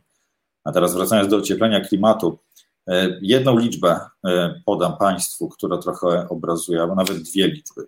E, które obrazują skalę tego wyzwania, jakim jest ocieplenie klimatu. E, pamiętają wszyscy Państwo lockdown, prawda? 2020 rok i te najostrzejsze lockdowny, które, które nastąpiły w marcu, w kwietniu. Otóż to nie był przyjemny czas dla nas, prawda? To znaczy to, że byliśmy zamknięci w domach, to wcale nie było coś, z czego możemy się cieszyć i, i, i w czasie tego lockdownu to nie jest sposób, w jaki chcielibyśmy żyć, prawda? A z punktu widzenia planety ten lockdown sprawił, że przestaliśmy korzystać ze środków transportu, bardzo zmniejszyliśmy naszą konsumpcję, czyli przestaliśmy kupować e, towary i usługi, które w jakiś tam sposób mają swój ślad węglowy. E, no i pytanie, co to dało, tak? To znaczy takie brutalne zamknięcie na, na kilka tygodni, w niektórych krajach na kilka miesięcy, co, co ono dało planecie? Ono dało spadek emisji o 18%. E, to, co powinniśmy zrobić jako planeta, to zmniejszyć emisję, te net emissions, emisję netto o 100% do roku 2050. Czyli e, takie okrutne zamknięcie nas wszystkich w domach nawet nie jest w stanie osiągnąć tego celu, który przed sobą stawiamy, który jest celem bardzo ważnym dla planety i bardzo ważnym dla naszego, dla przyszłych pokoleń i dla naszego przyszłego życia. Co chciałem przez to powiedzieć, e, jaki wniosek z tego ja wyciągam? No, wniosek jest taki, że bez mm, bardzo dramatycznych zmian w technologii, takim prostym schładzaniem gospodarki niewiele osiągniemy. To znaczy, takie okrutne schładzanie gospodarki, jakie miało miejsce w 2020 roku, po pierwsze jest dla nas psychicznie wykańczające i ekonomicznie może być wykańczające, a wcale nie gwarantuje tego, że te, tego typu cele e, emisyjne jesteśmy w stanie osiągnąć. Po prostu musimy zmienić sposób gospodarowania. E, po prostu musimy spróbować, musimy mieć możliwość w miarę normalnie żyć, a jednocześnie nie, nie produkować emisji CO2, czyli musi nastąpić tak, zwana, tak zwane decoupling, czyli odłączenie się mm, zależności takiej, która mówi, że wyższy poziom życia to wyższe emisje. Musimy odnaleźć sposób na to, żeby móc poprawiać swój sposób życia bez zwiększania śladu naszego e, węglowego i bez obciążania planety. I dlatego to jest tak bardzo, bardzo trudne, bo jakby te sposoby, które mamy w tej chwili, są krótko mówiąc niewystarczające. Druga liczba, którą kiedyś wyliczyłem na, na, na, na, jakiejś kartce, to jest ten pomysł tak zwanego degrowth, czyli jakby zatrzymania wzrostu. Otóż, otóż Polska z punktu widzenia aspiracji jest krajem, który się ciągle chce rozwijać. Tak? Znaczy nasze aspiracje są takie, że będzie nam się w przyszłości jednak żyło lepiej, a nie gorzej. Natomiast z punktu widzenia całej planety czy, czy świata, innych krajów, Polska jest krajem, w którym się żyje bardzo dobrze. Znaczy, większość krajów na świecie, yy, większość obywateli świata, znacząca większość, około 80%, 80 e, kilka procent ludzi na świecie żyje na niższym poziomie niż my żyjemy w Polsce. I tutaj znowu uderzamy o taki bardzo poważny problem moralny, to znaczy, czy my jako jednak na tle świata rozwinięty kraj i, i w miarę obywatele, którym się w miarę dobrze żyje, czy my mamy prawo powiedzieć teraz wszystkim obywatelom świata, którym się żyje gorzej od nas, od dzisiaj przestajecie się rozwijać, od dzisiaj wasz poziom życia już nie będzie rósł. Takim pomysłem byłoby w jakiś sposób globalna redystrybucja dochodów. To znaczy, ok, pozwalamy krajom rozwijającym się dalej rozwijać, ale my przestajemy się w tym momencie rozwijać, czyli w jakiś sposób uśredniamy te, ten poziom, dzisiejszy poziom PKB. I w takim zupełnie abstrakcyjnym sensie, bo pier, pierwsza rzecz to jest wykonalność tego pomysłu. Jakby Nie wiem, czy są narzędzia, które by w ogóle pozwoliły na, na, na wykonanie takiego manewru, ale z takiego punktu, z punktu widzenia takich obliczeń, to znaczy, gdyby wziąć całe PKB światowe i podzielić je porówno na każdego obywatela, czyli krótko mówiąc, zlikwidować wszystkich Billów Gatesów i Elonów Musków e, i rozdać ich, ich majątek, ich dochód e, wszystkim porówno, to okazało się, okazałoby się, że niestety my wszyscy również, większość Polaków również musi swój, swój zrezygnować z dużej części dochodu. Takie proste dzielenie PKB na, na wszystkich ludzi świata z jakąś tam korektą na to, że, że część tego PKB to jest jednak oddawane w formie podatków po to, żebyśmy chociażby mieli e, ochronę zdrowia, szkolnictwo, czy, czy wojsko, czy policję. E, po, biorąc poprawkę na to, że pewna część dochodu trafia do właścicieli kapitału, bo inaczej oni nie, nie byliby skłonni dostarczać usług i, i, i towarów, e, no to okazuje się, że, że to uśrednianie dałoby wynik około 1000 zł miesięcznie per obywatel polski to też nie jest e, perspektywa, która napawa wielkim optymizmem. I to są te dwa wielkie wyzwania. To znaczy, okazuje się, że narzędzia, które mamy obecnie, nawet w ich okrutnym, brutalnym użyciu, nie spowodują spadku tych emisji. A druga rzecz, że nawet podzielenie tego bogactwa świata porówno na wszystkich spowoduje bardzo znaczne straty dla wielu, e, dla wielu ludzi, w tym dla wielu Polaków. No i teraz jak to rozwiązać? Nie ma prostych, nie ma prostych e, recept. Na pewno e, najważniejszym wyzwaniem e, to jest zmienianie sposobu gospodarowania w tym kierunku, żebyśmy korzystali ze źródeł prądu, ze źródeł energii, które po prostu nie będą emitowały dwutlenku węgla. To wymaga dużych nakładów i to wymaga bardzo dużej koordynacji.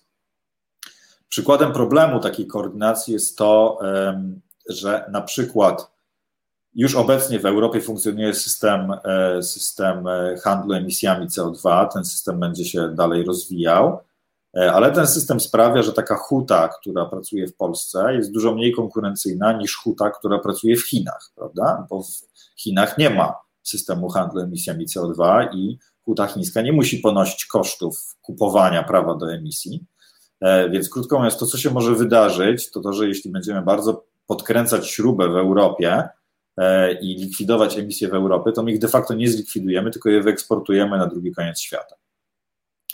Nowe inicjatywy mówią o tym, że w takim razie powinniśmy w jakiś sposób zmierzyć, ile towary wyprodukowane w Chinach i jaki one ślad CO2 zostawiły, i odpowiednio je, krótko mówiąc, opodatkować na granicy, czyli wprowadzić takie cła graniczne, e, czy to się nazywa e, e, Emission Adjustment Tax, czy, czy, czy jakoś, jakoś, jakoś w ten sposób. Tylko, że to jest bardzo trudne, bo, bo my nie kupujemy bo my nie kupujemy rolek stali z huty w Chinach, tylko kupujemy na przykład samochód albo kupujemy pralkę. Więc to są towary, które są dalej przetwarzane, one są wysoko przetworzone i bardzo trudno jest połączyć ten finalny produkt, jakim jest samochód, z tym początkowym produktem, jakim była stal, która spowodowała te emisje CO2. I, i, i, to, i, I to są te główne wyzwania. To znaczy, po pierwsze, zmienianie reguł gry rynkowej, w której e, mniej opłaca się E, produkować towary i usługi, które są wysokoemisyjne, a bardziej się opłaca produkować towary i usługi, które są niskoemisyjne. E, ta zmiana reguł gry nie nastąpi sama z siebie, ta zmiana reguł gry wymaga interwencji. I jeśli chodzi o zmienianie tych reguł gry, to Polska jest na trochę szarym końcu. To znaczy, te podatki węglowe w Polsce one dotyczą bardzo małej części gospodarki. A druga, a druga rzecz to jest Czyli to jest jakby ta taka strona kija, tak? a druga strona to jest ta, to jest ta marchewka, to znaczy inwestowanie i zachęcanie, promowanie alternatywnych źródeł energii, e, po to, żeby ta energia z alternatywnych źródeł mogła być coraz tańsza, czyli krótko mówiąc postęp technologiczny celowo nakierowany właśnie na ten sektor, e, po to, żeby, żeby ten sektor mógł oferować tańsze rozwiązania, które sprawdzą się w grze rynkowej. Panie doktorze, no właśnie, my słyszymy te zapowiedzi jakiejś przełomowej technologii, która nas uratuje, pozwoli jakby uciec do przodu, ale proszę zauważyć, że od mniej więcej 40 lat ludzkość nie dopracowała się kolejnego wielkiego nowego wynalazku, bo telefony komórkowe i internet jako pewne idee, y, jako technologie na papierze przynajmniej mają lat 40, a w praktyce 30. E, I to jest jakoś niepokojąco długi czas bez wielkiego przełomu technologicznego. A teraz po raz pierwszy potrzebujemy go nie dla przyjemności, tylko dla przetrwania. Więc moje ostatnie pytanie z prośbą, żeby odpowiedź zakończył Pan dowolnie swoim własnym głosem, przesłaniem do y, słuchaczy i słuchaczek. Moje ostatnie pytanie jest takie: dlaczego nie ma tego nowego wynalazku? Czy coś się zacięło, wyczerpało w ludzkiej innowacyjności, odbudowywanej przez gospodarkę, przez no, konkurencję, poszukiwanie nowych rozwiązań?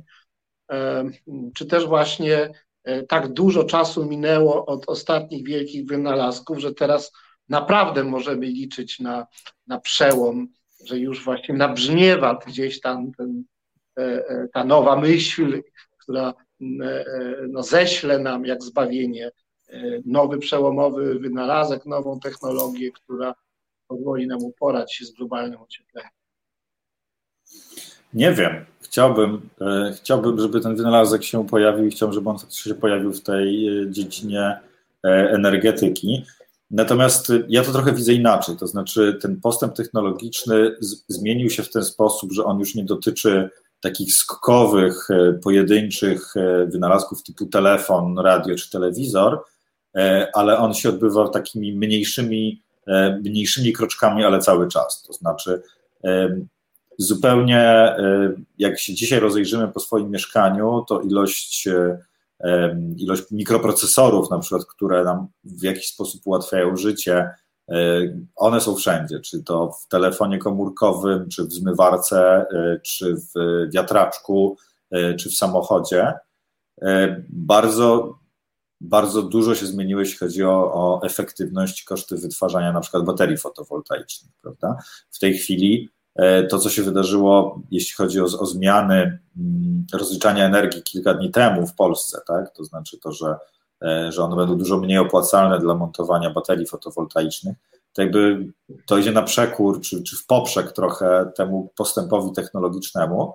E, I to wcale nie wynika z tego, że nie wiem, że te baterie fotowoltaiczne są coraz słabsze i coraz droższe, tylko to wynika z tego, że mam niedostosowaną sieć energetyczną. Znaczy to, że rządy, krótko mówiąc, zaniedbały rozbudowę sieci e, e, e, elektrycznej w Polsce i ta sieć po prostu nie wytrzymuje takich różnych przeciążeń, które się pojawiają wraz z, krótko mówiąc, postępem technologicznym. Czyli pomysł był taki, że skoro po prostu zatrzymać rozwój technologii, tak? to znaczy jeśli mamy problem, bo, bo nie dostosowaliśmy się do tej postępującej technologii, to spróbujmy zatrzymać jej rozwój. E, to trochę tak, jakby powiedzieć, że jeśli mam temperaturę, to wystarczy stłuc termometr i już, już je nie będę miał. To jest mniej więcej tego typu działanie. Natomiast faktycznie brakuje, wydaje mi się, tego wynalazku przełomowego w kwestii magazynowania prądu, bo, e, bo o ile energia ze źródeł odnawialnych jest faktycznie bardzo pożądana, e, ponieważ jest nieemisyjna, o tyle jest bardzo niestabilna. To znaczy ona się pojawia wtedy, kiedy wieje, albo wtedy, kiedy świeci słońce ale jeszcze jako, jako, jako, jako ludzkość nie dorobiliśmy się w miarę stabilnego sposobu jej magazynowania. Czy pan profesor się zgłaszał, dobrze widziałem, żeby. Ja chciałem jedną rzecz tylko dodać, bo tutaj ad hoc. Ja niedawno rozmawiałem e, z panem Vincentem Rostrowskim, e, e, pewnie pańskim kolegą, też ekonomistą brytyjskiego, brytyjsko-polskiego pochodzenia, i on komentował tę sprawę w ten sposób, że PiS nie chce, żeby na wsiach gdzieś powstawały te wiatraki, bo to będzie dzielić tą społeczność na takich właśnie lepszych, bardziej ogarniętych, którzy mają mm. ten wiatrak i tych, którzy tam im zazdroszczą i będą konflikty i ostatecznie te konflikty między wiatrakowcami i niewiatrakowcami skrupią się na, na PiSie i przyczynią się do obniżenia jego popularności. To tylko taka uwaga ad hoc o politycznym aspekcie tej złej decyzji. Jest, jest, jest to w ogóle jakiś sposób na, e, na przekonanie czy, czy zagospodarowanie głosów e, elektoratu wiejskiego. E, to jest to, że oni mogą być w Polsce kołem zamachowym tej transformacji energetycznej, właśnie przez stawianie wiatraków i, i baterii fotowoltaicznych. W tym sensie, że, że y, przyszłość może wyglądać tak, że wieś nie tylko karmi miasto, ale też wieś dostarcza prąd do miasta. W przeszłości to było odwrotnie, tak? to znaczy miasto dostarczało prąd na wieś. Mamy do tego bardzo. Do tego. mamy w Polsce bardzo e, sprzyjające, sprzyjające zaludnienie. To znaczy, Polska jest jednym z najbardziej w równy sposób zaludnionych krajów europejskich. Nie mamy aż tak. Mamy oczywiście miasta, e, ale jeśli chodzi o zaludnienie wsi, to, to ono wygląda zupełnie inaczej niż w takich krajach jak chociażby Wielka Brytania czy Hiszpania, gdzie jest bardzo duża koncentracja ludności na terenach miejskich. U nas ona jest dosyć niska, dużo niższa w każdym razie niż tam.